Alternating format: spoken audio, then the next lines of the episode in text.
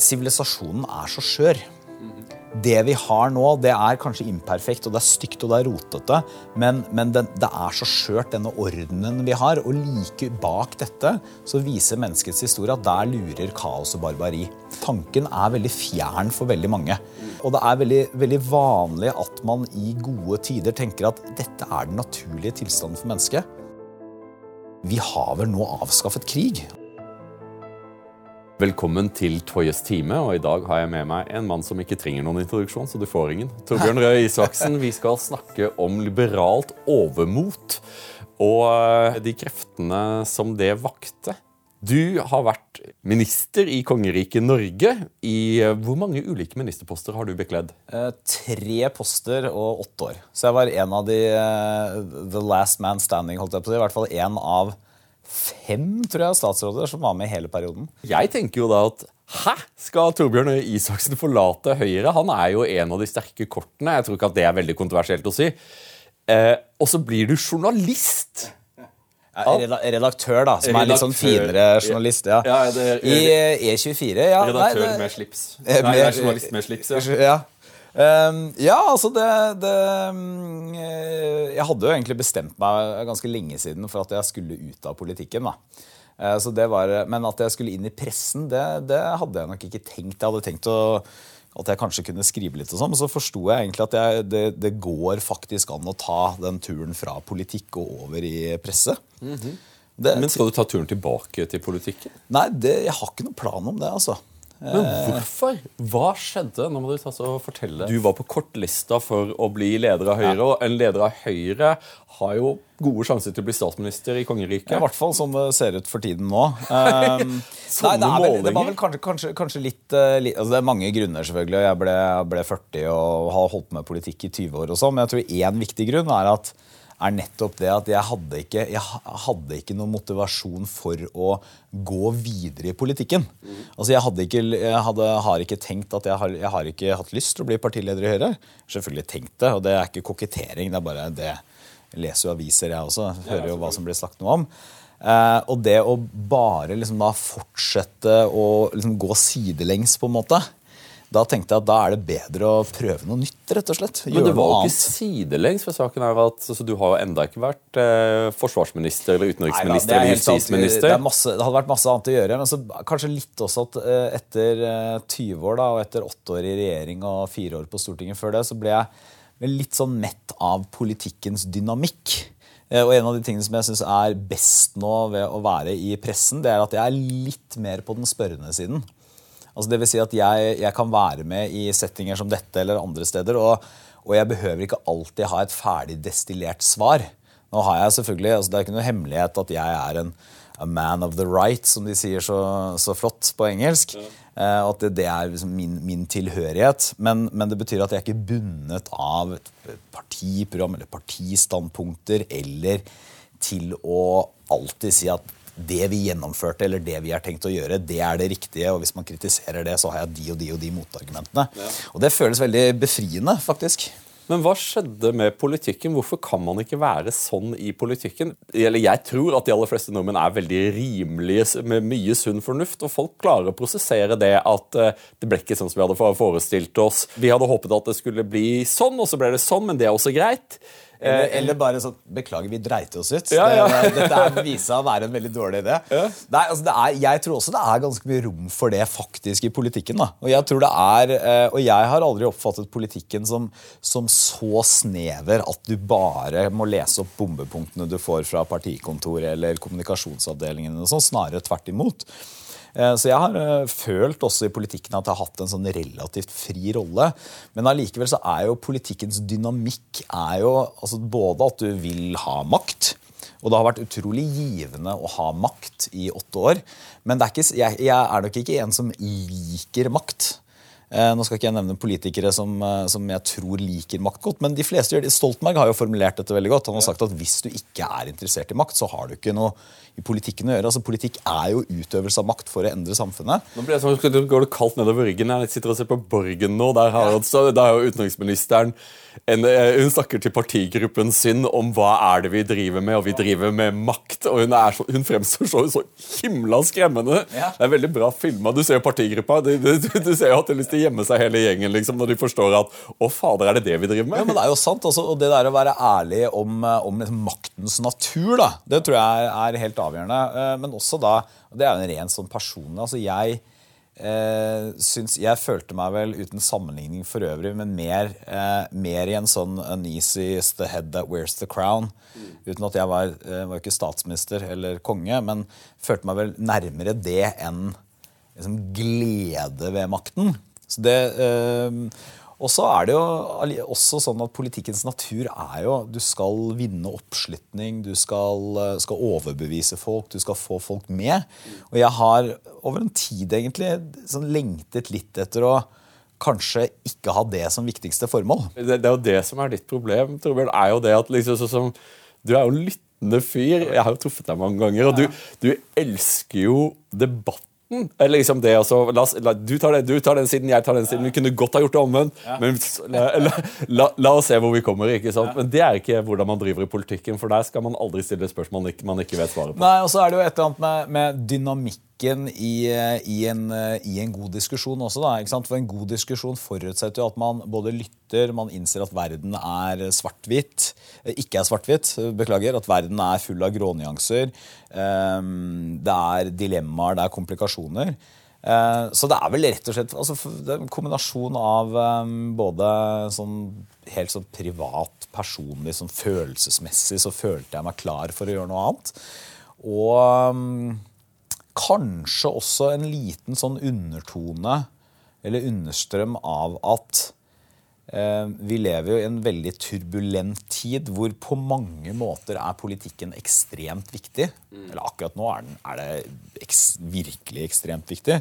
Men så er det jo mange av problemstillingene vi står overfor som ikke nødvendigvis har en enkel politisk løsning heller. Mm. Og da har vi beveget oss litt vekk fra sånn type sikkerhetspolitikk eller spørsmål om klima eller i og for seg sånn innvandringspolitikken som sådan. Mm. Men større spørsmål om, som handler om kultur, identitet, hva som former et fellesskap, hvordan man tar vare på eh, røttene i et samfunn og en følelse av tilhørighet. Alt det er vanskeligere å omsette til praktisk politikk. I hvert fall realistisk sett.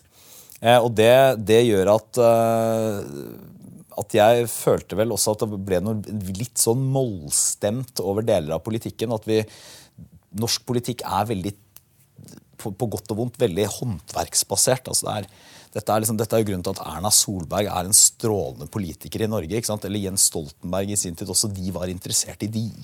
Gå inn i tallene, finne praktiske, tekniske løsninger. Um, det er offentlig forvaltning. På, på, på, en måte så er jo Jeg syns jo det er noe av det flotte i Norge. Jeg må, må innrømme at av de, et av de områdene jeg har endret meg mest på, det er at uh, for 20 år siden så tenkte jeg sånn vi trenger større motsetninger i politikken. Klarere ideologiske fronter. Det er et mål at vi skal få større debatter. Nå er nok mitt ideal i dag er nok heller at eh, politikken burde I et privilegert og godt samfunn så er politikken noe man egentlig ikke behøver å forholde seg til i sin hverdag. Altså En litt sånn kjedelig politikk som rusler og går, det er et tegn på velstand og fred. For da har man håndtert problemene som er der.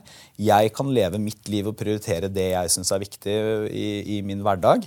Og så er politikken noe som sikrer stabile rammer og håndterer en verden hvor kanskje ikke utviklingen går Nå må jeg nesten stagge deg. Radikalt eller dramatisk. Liksom, det, det, kommer til å være for mange mennesker, unge mennesker som ønsker å bli politikere etter å ha hørt ja. denne voldsomme salgspitchet. ja, men ok, greit. Eh, la meg kaste en, en, en murstein gjennom glassruta di.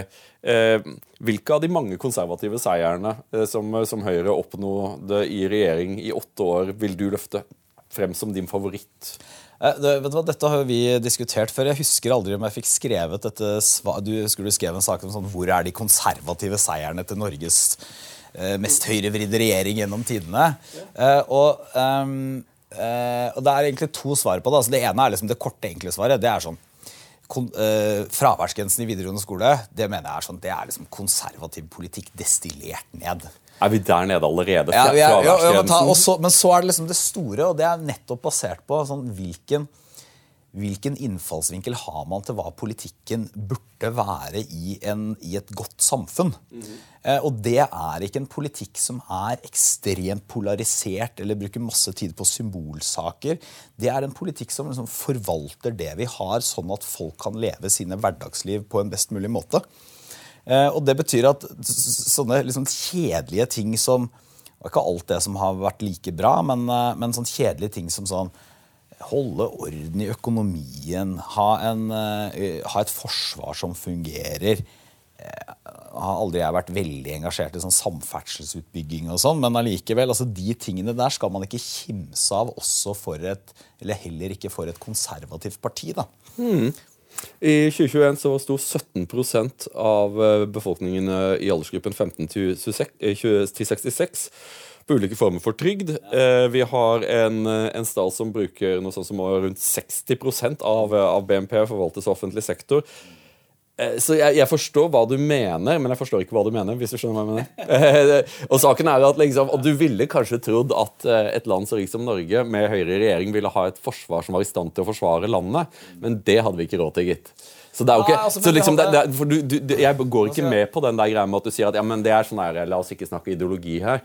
Eh, bak ideologien så, så ligger det jo klare prioriteringer, og konservative prioriteringer vil jo være i Men alle liksom, si, Sterkt forsvar, men- orden på politiet Ja, men det er, liksom. litt, det er to litt forskjellige svar på de to tingene. Altså nå, nå, bare si det igjen, at nå er jeg ute av politikken. Så, nå, så det jeg sier nå, er egentlig ikke Klart man er alltid litt sånn låst til det man har vært med på, men dette er min da ikke, ikke partipolitisk bundet vurdering. Ok, men kjør på. altså, jeg husker i disse, altså Forsvaret er helt riktig. altså Forsvaret i Norge hadde vært neglisjert i mange år og vært bygget ned. Sånn er det jo hele Vesten etter den kalde krigen.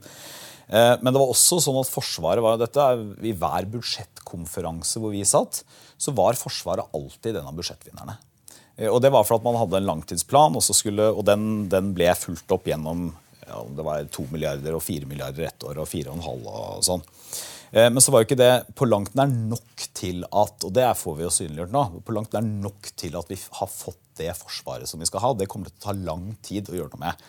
Når det gjelder dette med, med folk utenfor arbeidslivet, så har det vært eh, sånn Trygde-Norge. Det er der eh, Vi gjorde sikkert ting Jeg var arbeidsminister i to år. Ting som var he helt ålreit. Gjorde litt.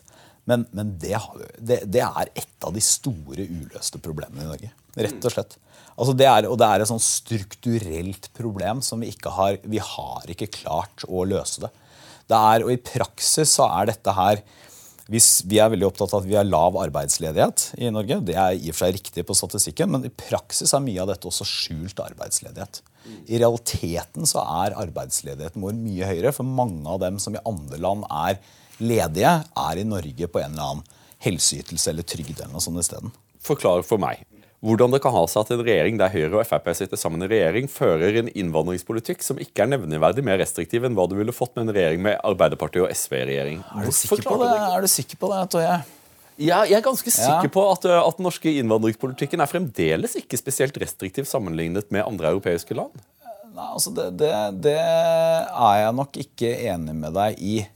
Fordi hvis du ser på Altså ehm, Hovedbildet sånn, I de siste 15-20 årene så har det vært en, en, en veldig langsom, men gradvis sånn innstramming av norsk innvandringspolitikk. Og så har det vært veldig mye bråk rundt det hele veien.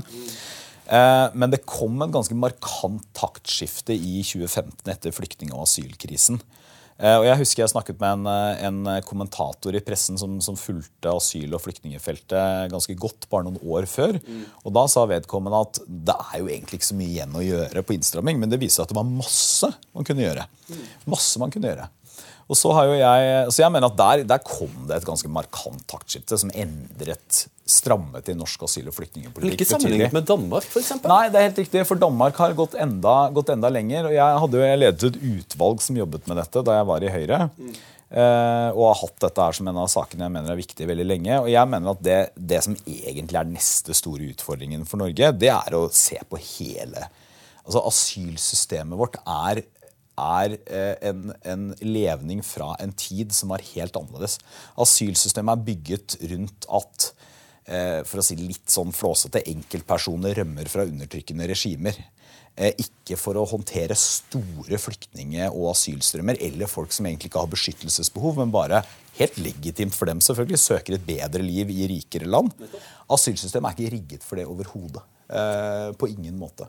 Nei, for det, det jeg vil si, da, eh, siden vi er sindige mennesker her ja. eh, er, Jeg syns det er åpenbart at innvandring er, er, et gode. Eh, men det er ikke et ubetinget gode. Eh, så det å gjøre asyl til en innvandringsmekanisme der man i stor grad får fremmedkulturell og lavkvalifisert arbeidskraft, som rent statistisk har få sjanser til å finne veien inn norske, eh, til å bli ytende deler av samfunnet, bør enten erstattes eller komplementeres med den linjen som Canada, USA og Storbritannia har lagt på, eh, seg på, altså et points-based system. Altså at man ser på økonomien. Hvor er det vi trenger mer arbeidskraft? Og prioriterer migranter som har skills og utdanning som er etterspurt i økonomien. Men Jeg, jeg syns at, jeg synes at vi, vi, kan gjøre, jeg synes vi kan gjøre begge deler. For at du er helt enig med deg at du må skille mellom hvem hvem er det som kommer til Norge? Altså Innvandring er veldig sånn løst og stort. ikke sant? Så Noen kommer til Norge. altså En ting er EØS, og så har du noen fra såkalte tredjeland. og Det er da USA eller Pakistan eller Japan eller Brasil. Eh, som vi ønsker at skal komme til Norge. og Der synes jeg vi kan, der skal vi være ganske kyniske. Der handler det om norsk egeninteresse. Hvem er det vi vil ha? Da Vi trenger deg og deg og deg. Vi tar inn vietnamesere for å plukke jordbær. Vi trenger IT-ingeniører. Ok. Eh, og så er det egentlig hele, og så er det flyktningdiskusjonen. Der, der er det jo i stor grad liksom FNs kvoteflyktninger som er liksom rettesnoren i Norge. Det syns jeg også er greit. Og så er det asyldiskusjonen. Der mener jeg at den diskusjonen som Danmark leder an i nå, eh, Boris Johnson også i Storbritannia, og som både Høyre og Frp har plukket opp her i Norge, litt sånn delvis, som, som, som litt sånn brutalt fremstiller som ok, da bygger vi asylmottak i Rwanda. Eh, eller hvor, nå husker jeg ikke akkurat. Jeg Rwanda, var, ja. Eh, jeg mener at det er en grunntanke som er eh, riktig. Det er riktig å tenke på den måten. fordi at hvis vi Det er to premisser her. Vi ønsker å bidra. Det er også i vår egen interesse. Samtidig så kan ikke vi bidra ved at alle som trenger beskyttelse eller skal søke om asyl, kommer til Europa. -hmm. Og hva er svaret på det? Jo, svaret på det er at vi da bruker vår store fordel, nemlig økonomiske muskler, og så kan vi gi folk beskyttelse et annet sted. Helt enig. Fokus, eh, og, det, og fokus på beskyttelse. Ganske, og her, det, her, mener jeg også at jeg mener nok at den offentlige debatten og også pressedekningen har blitt bedre de siste 15-20 årene. Men det er ganske mye. altså Husk under flyktningkrisen for eksempel, i 2015. Så så på tallene fra hvem som kom da. Jo, det var krig i Syria. Men det kom også det kom veldig mange fra, det kom mange fra Afghanistan, men det kom også veldig mange fra Nord-Afrika. Altså Land som er fattige, men, og ikke da bare Libya, men Marokko, eh, Egypt. Det kom jo etter hvert også folk fra, fra, fra like utenfor, altså Kaukasus og andre deler. Altså Det kom veldig mange økonomiske flyktninger rett og slett til Norge i den perioden. Eh, og, eh, og det, er, det, er, viktig å få fram rett og slett fordi at i det øyeblikket man reduserer dette til en diskusjon om bare sånn eh, hjelpeetikk eller godhetsetikk, så har du egentlig, du har egentlig forkludret sannheten om hva som faktisk foregår, og hvorfor det skjer. Hvordan skal Høyre klare seg uten deg? Liksom, du var det konservative alibiet i dette partiet. Er det noen konservative igjen der nå? Ja, vet du hva? Jeg, nå spørs litt hvordan man Nå er jo konservatisme er jo ganske uh, stort telt. Det kommer an på hva du mener med konservativ. ja, ja. Nei, er det noen altså, jeg ville gjenkjenne? Nei, ja, det, ja det, det, vil jeg mene. Men jeg vil også mene at sammenlignet med det den gang jeg meldte meg inn i Høyre, mm. Uh, på 90-tallet en gang, Eh, da sto ikke konservatisme som sånn. Altså, det var liksom ikke noen som snakket noe særlig om. og sånn. I dag er det den ideologiske debatten hvor også mange identifiserer seg som konservative. Ikke da bare som sånn jeg er pragmatisk og ikke sosialist, men, men mer sånn klassisk konservative er mange flere i Høyre i dag enn det var for 20 år siden. Altså. Men ikke i lederskiftet? Nei, det er nok kanskje riktig. Altså, selv om, der, er det, der er det mer en sånn liksom, praktisk, eh, praktisk politisk konservatisme. Flinke piker og flinke gutter, alle sammen. Det er ingen tvil om at Nei, men så, som ikke, det, det, Jeg forsøker ikke å være, være kjip her. Saken er at Nei, men, så, så, nei, men, høy, men så, høy, Høyre satt med makten i åtte år. Eh, se på meningsmålingene nå. Det er jo tegn på at det er ikke bare jeg som mener om at, eh, at Høyre i regjering det funka bra. Og det har mye å gjøre med at man hadde habile folk på viktige poster. Kom seg gjennom pandemien. Så det, det, det er ikke for å, for å, være, for å være utrivelig. Eh, men hvorfor er det ikke plass liksom, hvis, det, hvis, det, finnes massevis av eh, sånne Inge Lønninger som, som, som går rundt i For jeg, jeg, legger merke til det samme som deg, at spesielt Unge Høyre så er det mange konservative nå. Uh, og det endrer seg mye i løpet av bare ti år. Uh, men hvor er de liksom Er det, er det et glasstak i, i, Høyre der nei, altså, liksom Nei, jeg, jeg tror, på, tror, på, ingen måte det, men jeg tror at um jeg tror også liksom, eh, igjen sånn, eh, Selv om det er litt teit å si at det er et stort telt, så sant, det er forskjellige eh, Det å være konservativ i Norge i dag betyr ikke automatisk altså Det er ikke en sånn veldig enkel sjekkliste hvor eh, Det er noen ting som er vanskelig Noen ting du liksom må eh, kunne krysse av på for å være konservativ. Men det er en, du kan være ganske Hvis du er en eh, sentrumsnær, relativt pragmatisk høyrepolitiker som mener at eh, vi må ha gradvise, moderate reformer, eh, og det er viktig at vi har et styringsparti som appellerer bredt i tverrsnittet av den norske befolkningen, så vil jeg si at det er en ganske viktig eh, tanke i europeisk konservatisme om at konservative partier skal være folkepartier. Og, har, og Dette er en sånn viktig diskusjon synes jeg, innad, og for øvrig viktig analytisk også. For jeg, jeg vil nok si sånn spissformulert at et konservativt parti som ikke er, eller har ambisjoner om å være et folkeparti, er ikke egentlig et konservativt parti. For det, da, har du, da, har du, da har du laget en konservatisme som ikke appellerer, eller kan appellere til et flertall, eller i hvert fall en anselig andel av en befolkning. Eh, og, og, og, hva er konservatismen som snakker om røtter, delt historie, felles verdier, det som binder oss sammen, hvis det binder 10% av befolkningen sammen? Mm. Da, da, er da, er du i hvert fall ikke en aktiv, fungerende, virkende konservatisme. Så mitt sånn ideal har, liksom, har i hvert fall uh, i, i, moderne tid mer vært denne liksom, Jeg synes det er sånn tyske, konservative, kristendemokratiske tradisjonen hvor Kain-eksperimentet. Kain-eksperimentet, Adenauer, hvor du sier at hvor du er opptatt av f.eks. at Eh, et, det konservative partiet, eller det kristendemokratiske da i Tyskland, men det er jo sant, egentlig det konservative partiet. Vi skal også være arbeidernes parti. De skal ha et naturlig hjem hos oss. Og vi skal være eh, kapitalistenes parti, og vi skal være eh, industrialistene og de store eh, og de kristnes parti katolikker, protestanter til og med, selv om de har hvert sitt parti i Tyskland. Ja, du er, det er Toleransen din kjenner ingen grenser, kjenner. Ingen grenser. Katolikker også. Nei, jeg jeg synes at det er, eh, det er ikke nødvendigvis kjernen i konservativ ideologi, men du finner veldig klare elementer av dette også i britisk konservatisme. Eh, hvor jo Tory-tradisjonen er sånn, Litt flåsete så sier man at britisk konservatisme er det Tory-partiet til enhver tid mener. Ja, ja. Og det er søren ikke så langt unna. Eh, og denne veldig pragmatiske styringstradisjonen hvor du også tenker at vi må appellere til eh, et bredt flertall i befolkningen, er tror jeg, en viktig tanke i konservatismen. Da. Og for øvrig også opphavet merker jeg at nå har du putta på en femmer, da, men det er også viktig sånn, ideologisk opphav i at de konservative partiene skulle jo være en motvekt til de klassebaserte partiene. Ideelt sett konservative partier ønsket egentlig ikke å se på seg selv som borgerlige som sådan. Mm. Fordi at det var ikke klasser som definerte, det var nasjonen og fellesskapet som var det avgjørende. Ah, dette, så Jeg kjenner jo at hjertet svulmer. Ja, ikke sant? Det det dette vakre ordet, nasjonen. La oss spole litt tilbake. for Grunnen til at du og jeg sitter og prater om konservatisme som om det skulle være relevant, er jo ikke, det er jo ikke gitt det. På grunn av at en stund så så det jo ut som at konservatismen kom til å ende opp med å bli eh, en sånn privat interesse for gamle mennesker fanget i unge legemer og men, ungdommer i blazer. Liksom. Mens konservatismen har kommet Det er en, en veldig overraskende comeback for konservatismen over hele den vestlige verden.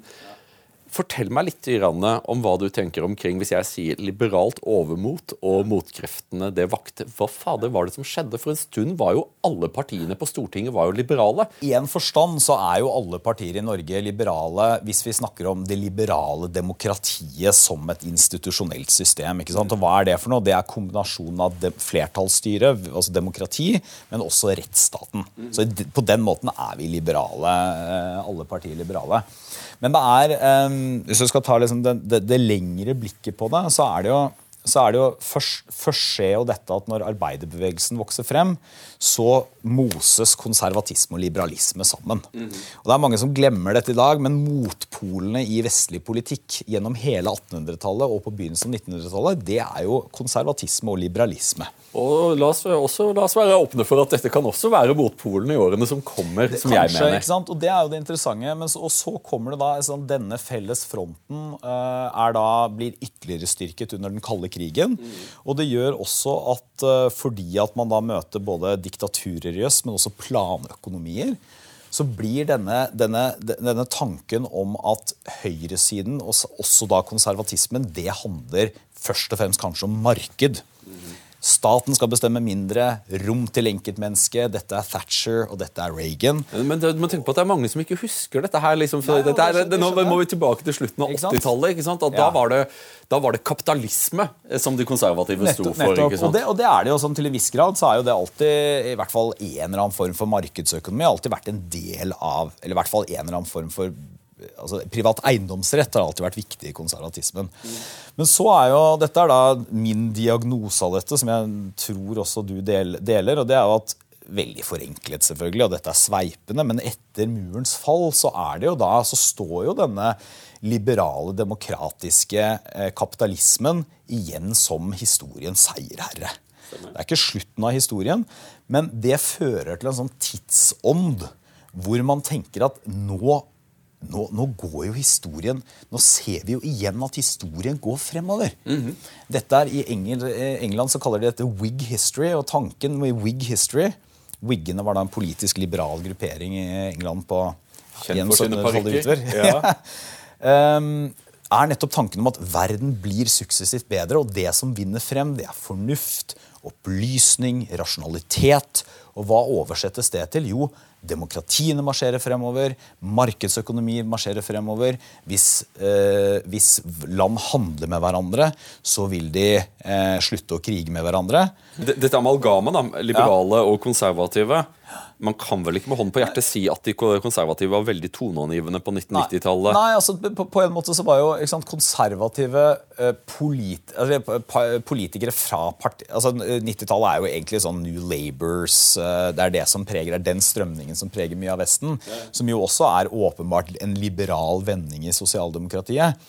Men, men, i hvert fall så er det nok sånn at de konservative partiene som er der selv om det er nyanser her altså Ronald Reagan, president i USA, han appellerer også veldig sterkt til det kristne høyre. Mm. Men det er liksom 'roll back the frontiers of the state', som Margaret Thatcher i Storbritannia sa, som er blitt stående som slagordet. Begrense staten. Ja. Og, og, og, det som skjer, tror jeg, vi, det er jo at dette liberale bildet det, det gir seg veldig mange utslag i ting som i dag kanskje ser litt absurde ut, men som den gang virket både vakkert og fornuftig på samme tid. F.eks.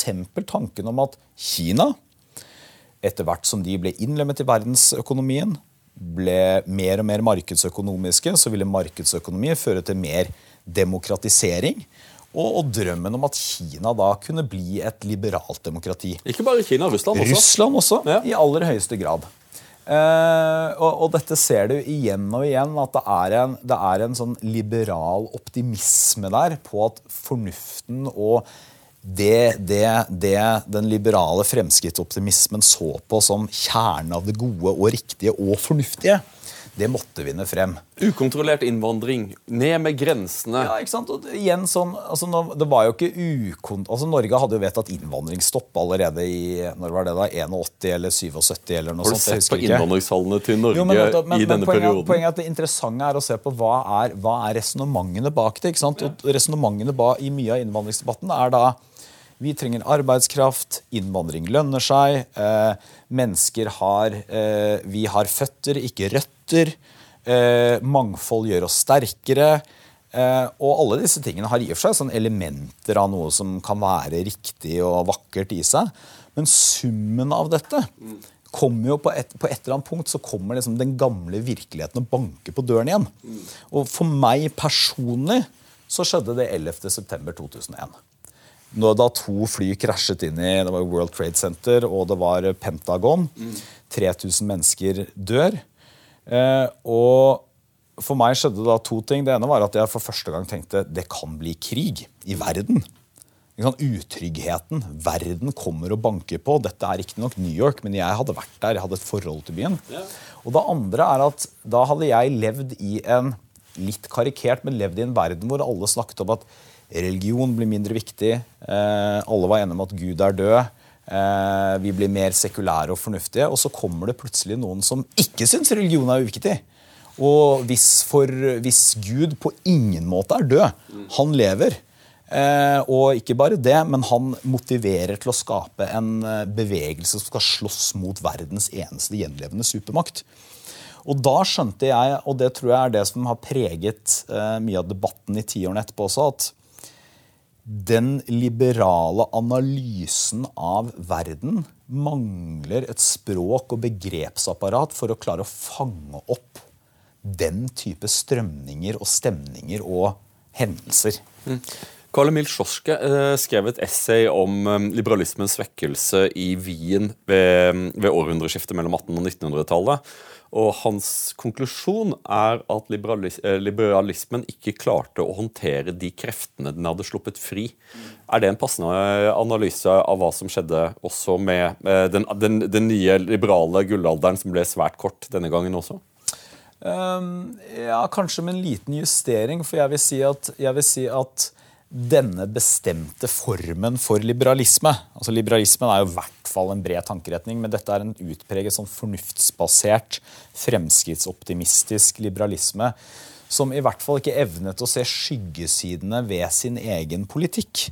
Altså, på den måten så er det en slags sånn fortreffelighetsspeil hvor man blir så opptatt av at man selv representerer det gode og fornuftige og selve fremskrittet i historien, at man glemmer å se hva er, hva er skyggesidene som vokser frem i randen her. Mm -hmm. og, og, og, både innvandringsdebatten, debatten om sikkerhetspolitikk eh, Ikke håp om at Kina skulle bli demokratisk, det er jo et vakkert håp, og kan ta det som politisk mål, til og med, men mangelen på evne til å tenke at eh, grunnleggende geopolitikk, sikkerhetspolitikk, interesser, eh, nasjonalfølelse, at det er elementer som fortsatt ikke bare er virksomme, men som former og preger verden. Det tror jeg er mye av grunnen til at liksom, konservatismen gjør comeback. Da. Så jeg tror den konservatismen som når jeg, eh, jeg, har skrevet en liten bok om dette som heter 'Hva er konservatisme?' for å reklamere for den. Å lese. Og ja. nå må jeg ta så hoppe inn og så si at alle som lytter og ser på dette, dere må løse abonnement i Minerva. For hvis ikke folk eh, betaler den, de små pengene, eh, så er det umulig å drive en konservativ avis i Norge. Så gjør det. Nei, jeg skulle si at det er, det er to, jeg, jeg, ser på dette konservative comebacket som egentlig bestående av to ting. Eh, og Det ene er mer den sånn politisk konservatisme, hvor folk sier at 'jeg, jeg er konservativ'. Mm. Men det andre er også at um, større deler av diskusjonen henter analyser og begreper fra det mer konservative arsenalet i, i idéhistorien og filosofien for å forstå verden. Mm. Eh, og mitt favoritteksempel på det er, eh, og fra tidligere tider er George Orwell. Som jo på ingen måte var konservativ. Han var en, eh, en eh, mann av venstresiden. Men som på en veldig god måte beskriver f.eks. hvordan de venstreliberale intellektuelle i England gjennom sin eh, overdrevne tro på fornuften og neglisjering av ting som følelser som ære, patriotisme, lojalitet til konge og fedreland, altså disse grunnleggende tingene, ikke forsto verken hvordan England skulle forsvare seg, eller hva som gjorde at uh, Tysklands basser sluttet opp om Hitler. Ja, så, så, jeg tror også at det, det, det, interessante nå er at også veldig mange mennesker som egentlig ikke personlig vil kalle seg konservative, finner innsikter i den måten å lese politikk og samfunn på. jeg går ut fra at det på et eller annet måte er eh, også en konsekvens av sånn som du beskriver 90-tallet, en, en, følelse av Globaliseringen var ikke bare et økonomisk fenomen, det var også et intellektuelt fenomen. Verden ble større, mulighetene syntes endeløse, og vår styreform syntes å spre seg som, som ild i tørt gress. What's not to like? Denne utenrikspolitiske kommentatoren i New York Times, Thomas Friedman, som fortsatt skriver han ble for meg en slags sånn spydspiss for dette. Han skrev en bok som het uh, 'Verden er flat', eller 'The World Is Flat', som nettopp var en beskrivelse av hvordan nesten sånn ubønnhørlig altså som gikk verden mot mer, en flatere verden. altså eh, Åpnere grenser, mer globalisering, mer kulturell harmonisering etc. etc. Eh, og, eh, og, og én ting er nå um, om man mener at det er en vakker idé eller ikke, det er jo på en måte noe fint med Man kan tulle med liksom kumbaya og at uh, alle blir venner, men det er jo noe fint med tanken rundt det. Men et, et, annet spørsmål er jo om det er en god analyse, eller er det noe man glemmer der? Mm. Og, og, det at på mange måter så har historien eh, og de evige tingene i eh, menneskets historie kommet tilbake. Grådighet, egoisme, maktkamp patriotisme, følelse av tilhørighet, ære, behovet for fellesskap, det tror jeg er en, et, et, tegn i vår tid, rett og slett. Det er jo, som, eh, som en gamle tante sier, for deg, ja! Hva med den analysen som David Goodhart har kommet med? at ja, sånn opplevdes det dersom du var så heldig at du var en del av det, den høyskolerte middelklassen. Så fortonte det seg slik, men for, eh, for, andre deler av samfunnet, store deler av samfunnet, så var ikke denne opplevelsen med eh, høy innvandring, globalisering av økonomien, eh, rollback of the state, aldri, at dette var en positiv opplevelse. Og jo, jeg har skrevet en del om dette. Eh, for det synes jo også å være et element i det Sjorske sier om at eh, motkreftene ble vekket, og de kom som en stor overraskelse. For ta innvandringsspørsmålet. ikke sant? I lang lang tid i dette landet og andre europeiske så var det ganske enkelt. Innvandringsmotstand ble bare anklaget for å være høyreekstrem eller noe sånt. Skyve det ut. Eh, og så vokste det. Eh, og så kommer du da til 2015 i flyktningkrisen, der vi får hele debatten komprimert til en tremånedersperiode. Stormende jubel i eh, august Eh, og så rundt slutten av september så begynner man å se at oi, fader, det var veldig mange. Det er jo ikke snakk om tusener, det er snakk om hundretusener, potensielt millioner.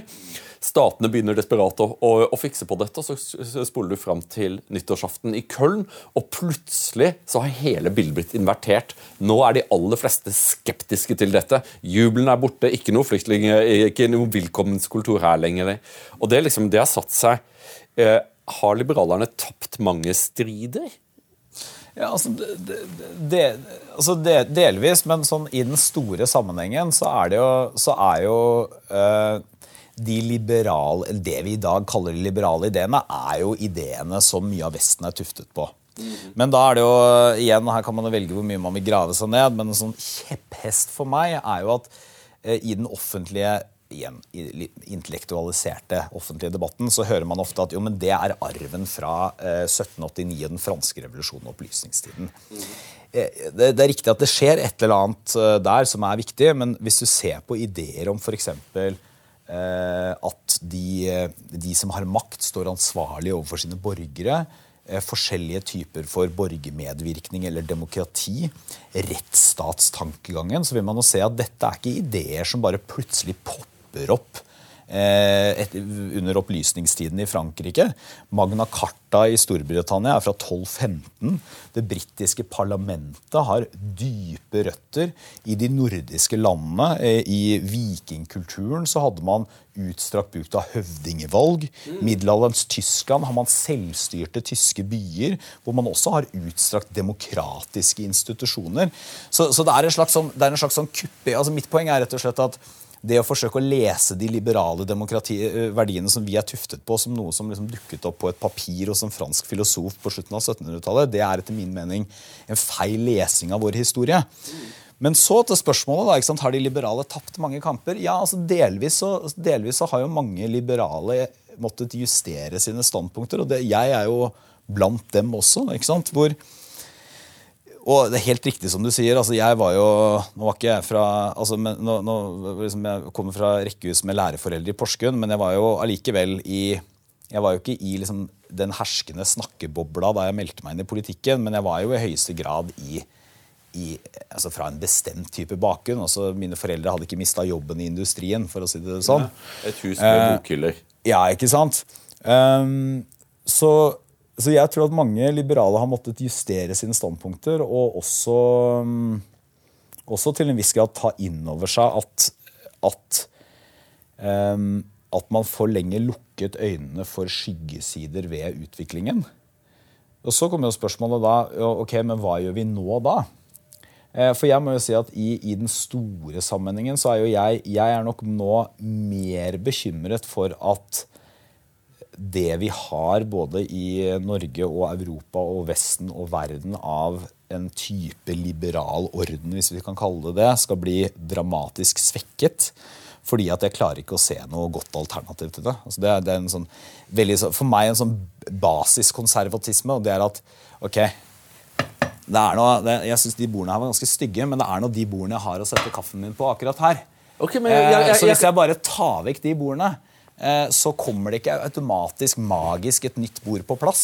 Er det en så vanvittig seiersrekke bak liberalerne? Eh, bare se på det utenriks, utenrikspolitiske feltet, liksom. Vi, vi, gjorde Afghanistan, vi gjorde Irak, vi gjorde, eh, vi gjorde Libya. Og allikevel så er det en sånn voldsom sånn der Hei, må ikke la noen andre få lov til å komme opp i dette her, liksom, for det er, det er, vi som faktisk kan det. Eh, og det er Sånn er det på liksom, se, på, på, på trygdetallene. Liksom. Hvor mye mer venstreliberalisme tåler man? Så, og Det er jo det som, det som jeg forsøkte å presse deg på, er liksom det med at sant, I Frankrike Emmanuel Macron er milevis mer konservativ enn partiet Høyre. I Danmark så fører sosialdemokratene langt mer konservativ politikk enn partiet Høyre. Toryene i Storbritannia eksperimenterer med, med, med, en hel rekke ulike ting. Brexit er, er, nummer én. Og Høyre sier nei, nei, nei, ja, altså, nei til alt dette. Hvorfor, ja, ikke, nå, hvorfor, kom det aldri noen forslag? Hvorfor var aldri partiet Høyre i, sammen med Frp, hvorfor var man aldri ledende på noe felt der man kom opp med en idé om hei, hva f.eks. sånn som når Macron sier at du og jeg vi er begge to enige om at et samfunn må ha bly i kjølen. Vi er enige om at vår samfunnsorden er betinget av en høy grad av, eh, av, eh, av eh, solidaritet og tillit mellom menneskene. Og det skapes ikke av seg selv. Og Macron sier vi må ha en patriotisk verneplikt. Vi må ha, vi har rett til å ta et år av livet ditt. Gutter og jenter kommer sammen, og den, denne patriotiske verneplikten er også å skolere dem i, kjærlighet til fedrelandet, ikke noe mindre enn det. Og dette er Macron. Mens, eh, mens Høyre eh, For jeg, jeg, jeg, jeg, jeg, skjønner, liksom hva jeg, er ikke enig i premissene i spørsmålet ditt, men jeg, forstår i og for seg spørsmålet. Men jeg, jeg, Altså jeg, jeg, altså, jeg for eksempel tar en sånn idé om en sånn patriotisk verneplikt. Mm. Altså nå, for det første, vi, vi, Grunnen til at vi ikke har et, eh, et eh, altså Vi har jo fortsatt allmenn verneplikt, men vi har ikke førstegangstjeneste for alle som eh, vi kan stappe inn i Forsvaret lenger, er fordi at det blir dårligere forsvar av det. har vært vurderingen da. Mm. Men en sånn patriotisk verneplikt for meg er det altså, Jeg kan ha liksom sympati med ideen. Jeg synes, altså, Så fin idé da, at alle kan eh, at vi, Så kan man hjelpe hverandre, og så kan man lære noe om uh, stå opp om morgenen og tjeneste og sånn. Akkurat sånn et år for å bli indoktrinert i fedrelandskjærlighet det er jeg litt skeptisk til. Altså, jeg mener at Det er noen verdier som hvis du må liksom dunke Folert, for, hvis, for å si sånn, hvis du, ja, men, sant, hvis, du ikke har, hvis, du ikke har, hvis du ikke har forstått Hvis du ikke har noen nasjonalfølelse når du er 19, og da må staten sende deg et år på skolebenk for å lære deg det, da er du allerede fucked, for å si det med moderne engelsk.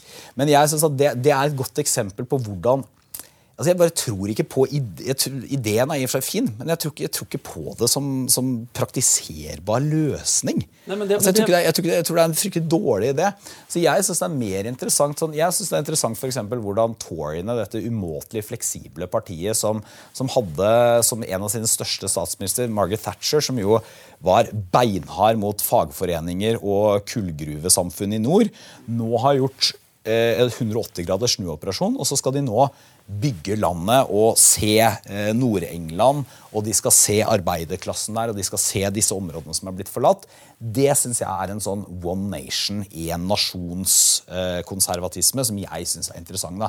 Og som er et ganske langt steg vekk fra Eh, vår jobb er bare å la markedet styre og fikse, og så får liksom folk orientere Eller vi er øverste ledd av den offentlige Ja. forvaltning. Eh, Vi skal forsøke å gjøre en god jobb. eh, Men det er jo sånn for det, det, Dette er ikke en kritikk av Høyre, Nei, nei, egentlig. Det er altså, kritikk av norsk jeg, politikk. Det, er, man får ofte, det tar ganske kort tid fra, før man blir minister, til du blir byråkratiets representant i møte med samfunnet. eh, Og i kanskje i mindre grad velgernes representant i møte med byråkratiet, for at vi har en gigantisk stor stat som ville utmerket godt klare å, eh, å styre seg selv Ja, da, vi- uten at vi hadde disse forbanna valgene. liksom. Det er jo mest til bry. kunne fint hatt et, eh, et eh, teknokrati.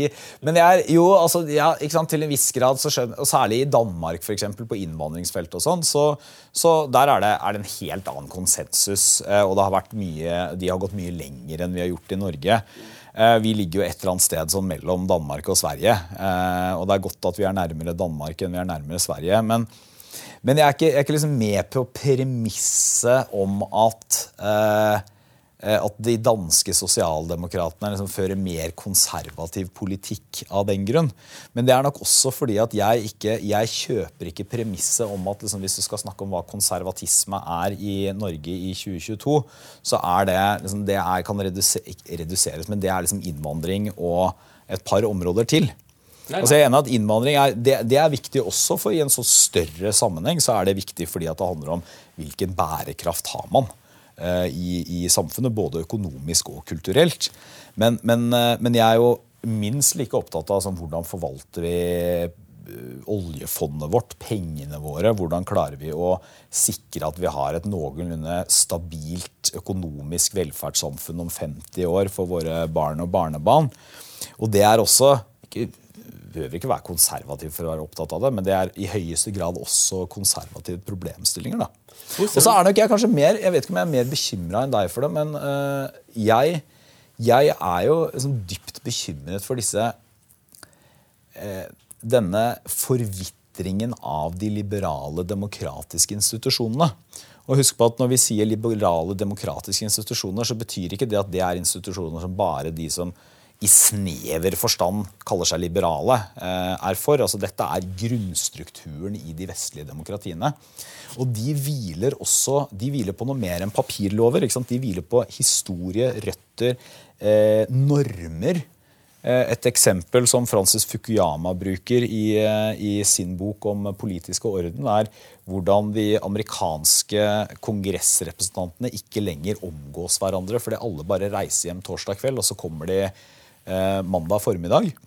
Og Det er en type sånn sammenbrudd av noen felles normer som også kan få store konsekvenser. Hva sier du til den da? Liksom jeg bare kaster ut tanker som, Ja, så, tanker som jeg har lest, som om de skulle være mine egne. Ikke sant? Eh, det liberale demokratiet eh, er et, eh, er et middelklassefenomen. Eh, Det er skapt og bygd for å catere til middelklassens interesser og fungerer bra på den måten. Eh, Men i veldig mange vestlige land så har, eh, er middelklassen under press. Arbeiderklassen har blitt større. eh, Og overklassen har gjenoppstått på en måte som man ikke har sett siden 1800-tallet. Er det det som er problemet? Eller er det, eller er det, eller er det noe annet? Men, liksom? men den, den store suksessen til de vestlige liberale demokratiene er jo at man klarte å inkorporere arbeiderklassen inn i de etablerte. Altså, eh, arbeiderklassen ble ikke, liksom, eller Arbeiderbevegelsen ble ikke, ble ikke borte, men de fikk både prege strukturene ved at de ble bakt inn i de liberaldemokratiske systemene, men de endret dem ikke grunnleggende. altså Det ble ikke revolusjoner. da. Og Det er en stor sånn seier. eh, Ikke konservativ som sådan, men viktig for systemene våre. Og så tror jeg, Apropos spørsmålet ditt i stad, altså sånn, hvordan ser verden ut? Altså det er klart, verden eh, De som skriver, tenker, eh, delvis bestemmer over verden, har oftere en type akademisk middelklassebakgrunn enn ellers. Og Det er sånn vi burde være på vakt mot. og Det betyr f.eks. at det at du får Jeg har jo selv en sånn vaskeekte broiler. ikke sant? Og det og mener jo at jeg har fortjent min tid i politikken. Men hvis det bare blir sånne som meg i politikken, så er det et stort problem for oss. Eh, vi trenger, ikke sant? Vi, ja, men ikke sant? Du trenger, ikke sant? Så hvem er det du trenger? Du trenger både Dag Terje Andersen, som da han var ferdig som eh, eh, statsråd i forrige runde, gikk tilbake til å bli skogsarbeider i Vestfold. Og du trenger Leif Frode Onarheim, som var næringslivsleder i 50 år, men så tok en periode på Stortinget som en borgerplikt. Du trenger sånne folk, og de må Hvis ikke så mister du den politiske jordinga. da. Det er også liksom en sånn tegn i politikken om at man er veldig opptatt av mangfold. Men mangfold i form til seksuell, seksuell orientering, etnisitet og rase, er man, det er den type mangfold man snakker om. Men man prioriterer jo bare mennesker som er kosmetisk helt like. da, Ja, det, eh, er, det, det, er meningsmessig. ikke noe, det er ikke noe tvil om at det gir mening, altså særlig, særlig den byen vi sitter i nå, eh, og som vi begge bor i. Eh, så, så er det klart at det er en type sånn et verdensperspektiv som, som dominerer innenfor eh, hva skal man kalle det for noe? da? Noen kaller det bobla. eller altså Innenfor de, de meningsbærende og eh, maktopprettholdende Nå ble det veldig komplisert. Altså Innenfor, innenfor de, de miljøene hvor, hvor det er folk som både bestemmer eh, hva som skal trykkes og hva som skal menes, eller ikke menes, men mener ting på vegne av andre og analyserer og kommenterer. Ikke noe tvil om det. Og Hvis du ser på norsk politikk for eksempel, eller norsk, eh, norsk presse, så, så, så er det egentlig ikke Jeg syns ikke det er en god diagnose at norsk presse eller kommentarvirksomhet er, eh, er veldig venstrevridd som sådan. Det er ganske mange stemmer på høyresiden, men det, er, det du ikke har, er Du har få eh, kristenkonservative stemmer i hovedstrømmen. Du har veldig få Senterpartistemmer. altså det er selvfølgelig Nasjonen, men mer sånn tradisjonalistiske Senterpartistemmer. Ikke så mange av dem. Eh, Frp-stemmer. Det er ikke, noe, det er ikke, det er ikke mange spaltister fra campingplassen. her. Ikke sant? Veldig lite. Nei, altså, men det er jo Men det er nok mange spaltister tross alt i Norge som har eh, Og politikere og folk i byråkrati og embetsverk og andre deler av den såkalte bobla som har vokst opp på campingplassen. Altså Sånn er det jo fortsatt i Norge. Ja, ja, Men- selvfølgelig. men det- men, men, det, men det eh, er jo liksom, det er en ting som jeg alltid liksom syns er morsomt med en del kommentatorer, er at det er så himla åpenbart at de forsøker å distansere seg så mye som mulig fra, eh, den, fra, fra det elementsbygde huset. De vokste opp på et ganske kjedelig plass med campingvogna stående utenfor, og nå har de kommet eh, renvaskede, oppstår de, så gjenoppstår de som Oslo-elite med pene klær, og bruker tror- all sin tid på å kaste stein på de jævlene som de leker med. Men, jeg, har, jeg har egentlig nesten stikk motsatt inntrykk av deg. For jeg har inntrykk av at særlig de siste årene, og dette er veldig på synseplan, Ja, ja, så, er det, så er nærmest det derre å, der å kunne nesten sånn kokettere med din folkelige bakgrunn, eh, at det har blitt eh, valuta. Og så så det å nettopp eh, være opptatt av at jo, mine foreldre jobba i industrien, eller jeg kommer jo fra distriktene og vokste opp på gård, eller jeg elsker Grandiosa som folk flest. altså at Det er blitt, det har snudd litt, rett og slett. Men, så, som, jeg, jeg Men dette var, det var rein, rein synsing. Ja, ja, men, men det er bare fint. Jeg sitter og leser Anders Fogh Rasmussens biografi. Og tro det eller ei, eh, den er veldig god. Eh, første bind har, eh, handler om, om barndom, ungdom og den begynnelsen av den politiske karrieren. Og anbefales å lese. Han, han, han fremstår sånn som det inntrykket man har. Han forsøker ikke liksom å gjøre seg selv til et nytt menneske. Men det, han blir lettere å like. Nå skal vi tilbake til bakgrunnen. ikke sant? Sånn Anders Fogh Rasmussen vokser opp på Jylland en på en steinete gard. Eh, og blir veldig sånn påvirket. Eh, han forteller liksom at For han vokser opp på, helt på halen av nasjonsbyggingsprosjektet. Og blir veldig påvirket av bøker og filmer han leser om eh, slutten på standsbåndene i Danmark. Altså det, det, husmannsvesenet, egentlig. Eh, altså at man var bundet til gården og, og, og fikk ikke lov til å flytte. Eh, og han blir da denne, denne trangen til frihet er liksom det som, det som driver han. Eh, hvis, for du, du kommer jo heller ikke fra Oslo, eh, i likhet med meg selv. Kan, er, er det liksom noen ting i din bakgrunn er det, er det liksom, Hvor er det dette politiske engasjementet oppstår? For du, er, du, du kommer jo krasjende inn i eh, som deba debattvilje, og det er veldig morsomt å se det er veldig mange paralleller med Fogh Rasmussen. Han skriver også sine pamfletter som blir til korte bøker. Han er, han er avholdsmann og treningsnarkoman. Ja, han er veldig opptatt av det. Eh, ja. Nei, ehm, nei, jeg har vel ikke Altså, jeg er ikke vokst opp i noe sånn utpreget politisk hjem, egentlig. Uh, og det vet jeg ikke om han heller er. Men uh, nei, jeg, jeg har vel egentlig ikke noe sånn veldig i min bakgrunn som skulle tilsi at jeg skulle sånn gå inn i politikken. Var det noen bøker, I- noen filmer? Var det noen ting som liksom styrte deg? Altså, det var jo jeg, Det var jo et eller annet med sånn Det var jo EU-valgkamp i 1994, og sånn, så da var det en veldig sånn summende politisk stemning. da. Aha. Men jeg, nå skulle jeg faktisk Nå skal jeg komme med et annet poeng. for det, Apropos denne bruken av begrepet liberal, som jeg, eh, som jeg mener gir mening. men Også viktig å huske da at eh, når jeg sier liberalismen er bred, Anders Fogh Rasmussen I Danmark så har de jo en veldig tydelig liberal tradisjon. så Han sier jo liberal. Og det er jo en type nasjonalliberalisme. Den er nesten litt sånn glemt i dag. ikke sant? For når vi snakker om liberalisme i dag, så, så forbinder man det ofte med eh, litt sånn kosmopolitisk, globaliseringsvennlig etc. Mm. Mens den liberalismen som vokser fram i Europa på, på slutten av 1700-tallet, den er jo ofte ironisk nok, den er nasjonal. Det er den også i Norge gjennom partiet Venstre. Den er nasjonal, radikal, liberal. Eh, og i store deler av Europa så står den i opposisjon til liksom disse flernasjonale imperiene som blir sett på som mer konservative. Østerrike Ungarn og dette.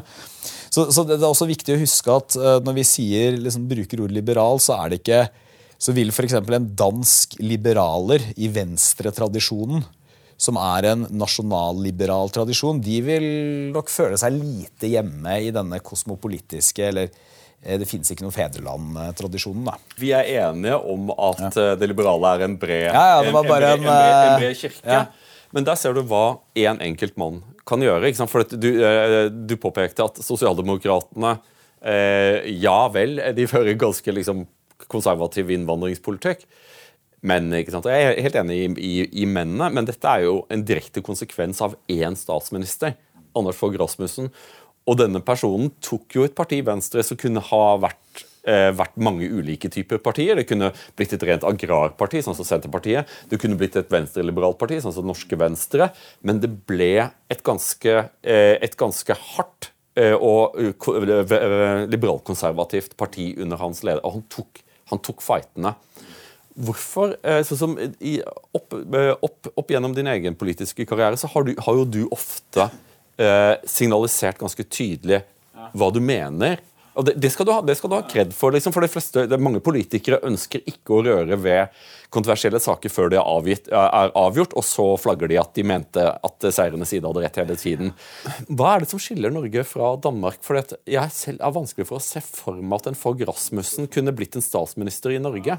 Uh, og det er noe som, som danskene syns er veldig sånn morsomt. En mann som han han er for splittende til å kunne være statsminister i Norge. Og det er nok sånn at det er mye vaniljefolk som ender opp i regjering. Altså noen som, Borten Moe er er et moteksempel, men de fleste er sånne som at ja, de kan svelges av de fleste. liksom, er ikke, ikke, for mye tagger, ikke for mye, ikke for mye vilje. Hvorfor er det hvorfor? For jeg tror at demokrati trenger også ledere da, som sier at det er den veien vi skal Nei, altså, gå. Det, det, er, det, det, er, et veldig godt spørsmål. for det, og Særlig hvis du sammenligner disse tre skandinaviske landene våre. Da, Hva er det som skiller, og hvorfor har Danmark en Eh, altså For det første så har de jo en, de har en mye mer pulserende borgerlighet. altså Mye mer pulserende høyreside. Ja. Eh, de har vært mye mer altså det, det, var jo ikke bare på innvandring, men Anders Fogh Rasmussen hadde dette oppgjøret sitt med smaksdommerne, som han kalte dem. Ja, ja. Eh, altså liksom tek, teknokratiske smaksdommere og i og for seg litt sånn kultureliten. Og de hadde den kulturkanonforslaget sitt. Mm. Eh, og sånn, og hvorfor ville ikke det flydd på samme måte? Og det er vel er litt vanskelig å, å si altså, om det er For, jeg, for jeg, tror, jeg, tror, jo ikke opinionen på samme, på samme vis er, er, til stede i Norge for det. Eh, jeg, men jeg klarer ikke helt å sette fingeren på hvorfor, for det er jo mange som har forsøkt. Ja, jeg, mener svaret er ganske enkelt. Ja. Eh, det finnes et konservative medier i Danmark. Du har Viken-avisen, du har Berlingske og du har Kristelig Dagblad. Og det er ikke det at, at avisene skaper opinion men avisene kan legitimere politikk. Altså, og det er noe som at, at for Grasshusen liksom, I Norge, hvis, hvis, hvis, man hadde forsøkt å flagge det Du, du flagget, jo, eh, flagget, jo, at vi kanskje burde vi skrive en kanon i Norge. At vi burde gjøre det. Og det var jo en blyballong. Eh, den gikk jo klaska jo rett i gulvet. For det var ingen som tok den tanken og bar den. For ofte så er det jo sånn i fungerende demokratier at det burde være sånn at en, en, politiker introduserer en tanke, og så har vi en god gammeldags debatt om det. Momentene blir ført frem av ulike stemmer. Eh, og så er det jo sånn at en side har bedre argumenter enn den andre, og så, og, og så, og så finner man da får man en forståelse av det politiske handlingsrommet. Det er jo sånn det ideelt sett burde fungere. For Vi kan jo ikke ha sånn at vi velger jo ikke diktatorer. Eh, liksom, jeg leste det jo ikke i programmet, sto på side 73 en fotnote. Det er ikke sånn vi driver det. ikke sant? Men hvorfor, hvorfor har Nei, men Jeg vet ikke, jeg vet ikke jeg, for jeg er helt enig i beskrivelsen. At Danmark har en mye større sånn utbygd eh, borgerlig offentlighet. Og da mener jeg ikke bare i altså Da mener jeg borgerlig politisk og offentlighet på høyresiden som deltar i den større offentligheten. Og det, det har vi ikke på samme måte i Norge. og jeg har inntrykk av at Det også gjør at de har eh, et eh, delvis sånn skarpere ordskifte, men ikke skarpere i negativ forstand. Altså, for jeg, eh, Når vi snakker om problemet med polarisering i dag, så er jo ikke det at vi har skarpe ordskifter. Polarisering er jo i det øyeblikket ordskiftet bryter sammen. Fordi du bare har ytterpunkter eller folk som skriker til hverandre. Det er ikke en offentlig debatt, det er bare en skrikekonkurranse. Men, men jeg tror jo eh, jeg, jeg vet ikke nok om hvorfor dette har utviklet seg annerledes i Danmark enn i Norge. Eh, og, og, og hvorfor vi har en mer sånn det tror jeg også er preferansen. Jeg tror folk i Norge er mer sånn konsensusorienterte. Altså, vi liker litt mykere politikere. Det har ikke, det har ikke vært mulig å liksom fange noe sånn stor folkestrømning for den type sånn kulturkamp som jo har preget Danmark eh, i, i egentlig 20 år. Um, Men som de fleste dansker, til og med på venstresiden, erkjenner at har vært helsebringende. På grunn av at man, det er en mulighet til å kunne få lufte ut mye gammelt Ja, tankegods som ikke passer lenger. Det, det er nok riktig, men ofte så handler dette også om at kanskje reaksjonen på den andre siden har vært sterkere. Altså når vi også har hatt vår kulturradikalisme. Mye av den var, altså Brandes var en stor figur der. Eh, så mye av, det er mulig at kulturradikalismen slo mer gjennom i Danmark. Muligens. Altså de har, jo, de har jo på en del sånn kulturradikale, liberale områder, altså sånn pornolovgivning, da. Interessant eksempel. Sånn, alle husker Da jeg var liten, så var det jo helt sykt å komme til Danmark, hvor det var jo, det var jo så mye porno overalt. Og dette var jo på den tiden hvor i, Du ville alltid på ferie til Danmark. Alltid på ferie til Danmark. Nei, altså, det var jo på den tiden hvor Norge hadde jo sensur. ikke sant? Det var sånne svarte firkanter Ja, ja. som er helt fremmed i Danmark. Så jeg, jeg lurer på om det, om det er noe der også. Og det er jo en Men jeg mener jo at vi det er, et, det er viktig i Norge at du har Altså, jeg applauderer at mediene også er tydeligere på sine ståsteder. Da. Det har jeg alltid gjort. Nå jobber jeg i en avis og E24 som ikke har noe Vi har ikke lederartikler, så E24 har ikke en ideologisk formålsparagraf. Men de avisene som har det, eh, Dagens Næringsliv, Aftenposten, Klassekampen, Bergens Tidende, mange aviser i A-pressen jeg mener at De må våge å kaste seg inn i samfunnsdebatten. Og de burde også selvfølgelig kuratere ved å ta inn folk som som bidrar nettopp da med et konsekvent eh, venstresideperspektiv. Samtidig som de må være interessante å lese. Eller et konsekvent, ikke bare høyreside økonomisk, men konservativt perspektiv. Altså, så jeg leser jo, leser jo Weekendavisen hver, eh, hver helg, og en, en ting jeg virkelig liker med deres politiske kommentarvirksomhet, er at en politiker er kommet, eh, har lagt fram, har holdt en tale, eh, journalisten har vært og lyttet til talen, og så skriver journalisten om hva var det denne politikeren sa, og hva er det denne politikeren, hvordan passer dette inn, ikke sant? Eh, mens norske kommentatorer ofte er veldig opptatt av å håne, latterliggjøre politikere. Og jeg tror nok at det er en del politikere også som, som kvier seg. Da jeg satt og leste Anders Fogh Rasmussen, mm, eh, så, så, så danset eh, et ansikt for, for mine øyne. Magnus Thue, som gikk bort i vår. Altfor ung, bare 42 år gammel. Eh, og Magnus jobbet jo med deg i mange år. Og Magnus var jo et av disse få menneskene som jeg, som, som jeg mente var en svært god konservativ. Jeg, kom, jeg vil bare ta lese et sitat som han sendte meg. Det virker som at vi kan dø, men vår Facebook-profil varer for alltid. Den er fortsatt intakt. Så jeg leste bare meldingene oss imellom, og så hadde han sendt meg denne. Eh, og dette er da eh, Evelyn Waugh som skriver om Rudyard Kipling.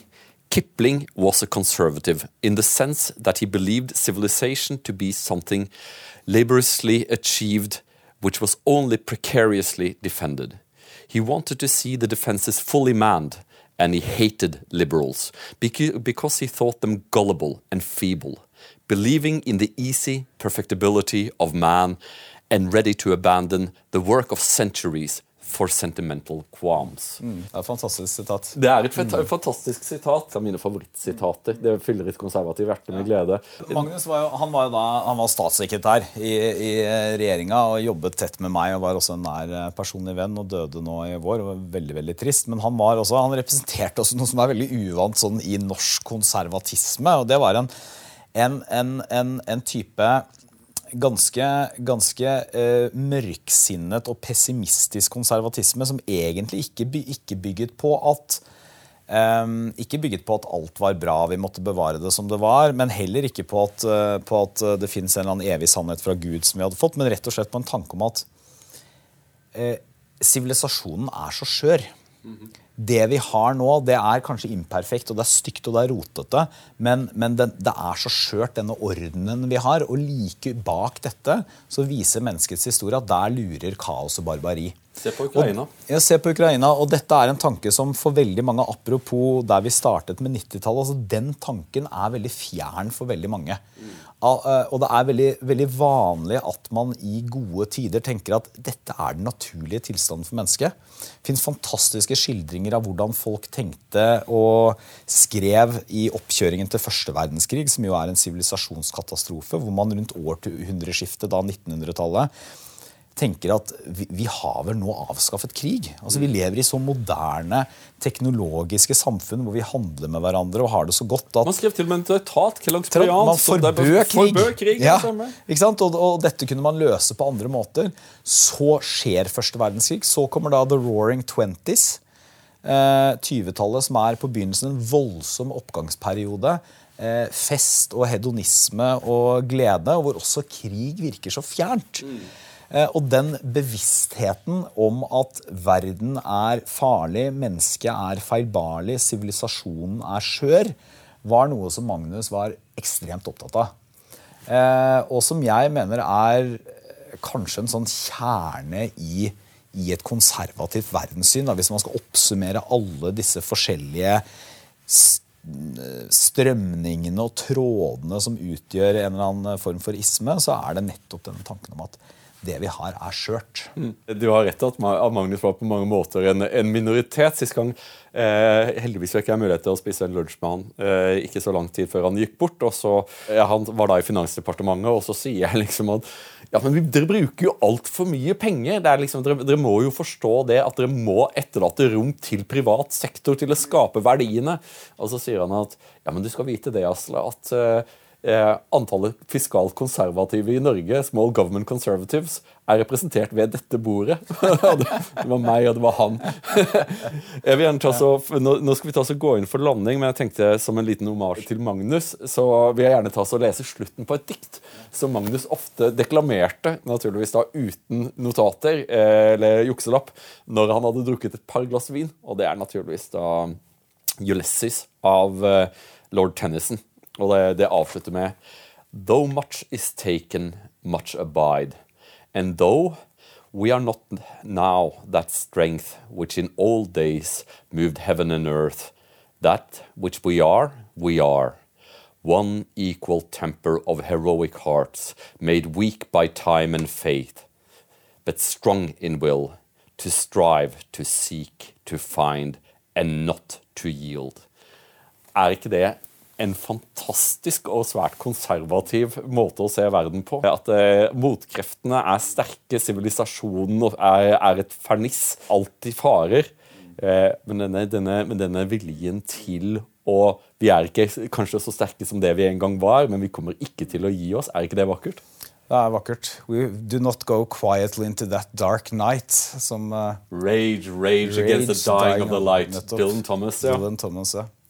Nei, det er, det er, noe der, og jeg tror jo særlig i, særlig i en sånn situasjon som vi er i nå, så er det jo eh, Mange blir overrasket når jeg sier at jeg har på noen måter har blitt litt mer optimistisk eh, i den siste tiden. Og det er ikke fordi at det som skjer i verden, gir noe grunn til den type optimisme, men det man finner i hvert fall en spire av, kanskje særlig i Europa, det er jo en slags sånn fornyet erkjennelse av at det vi har, er ikke gratis.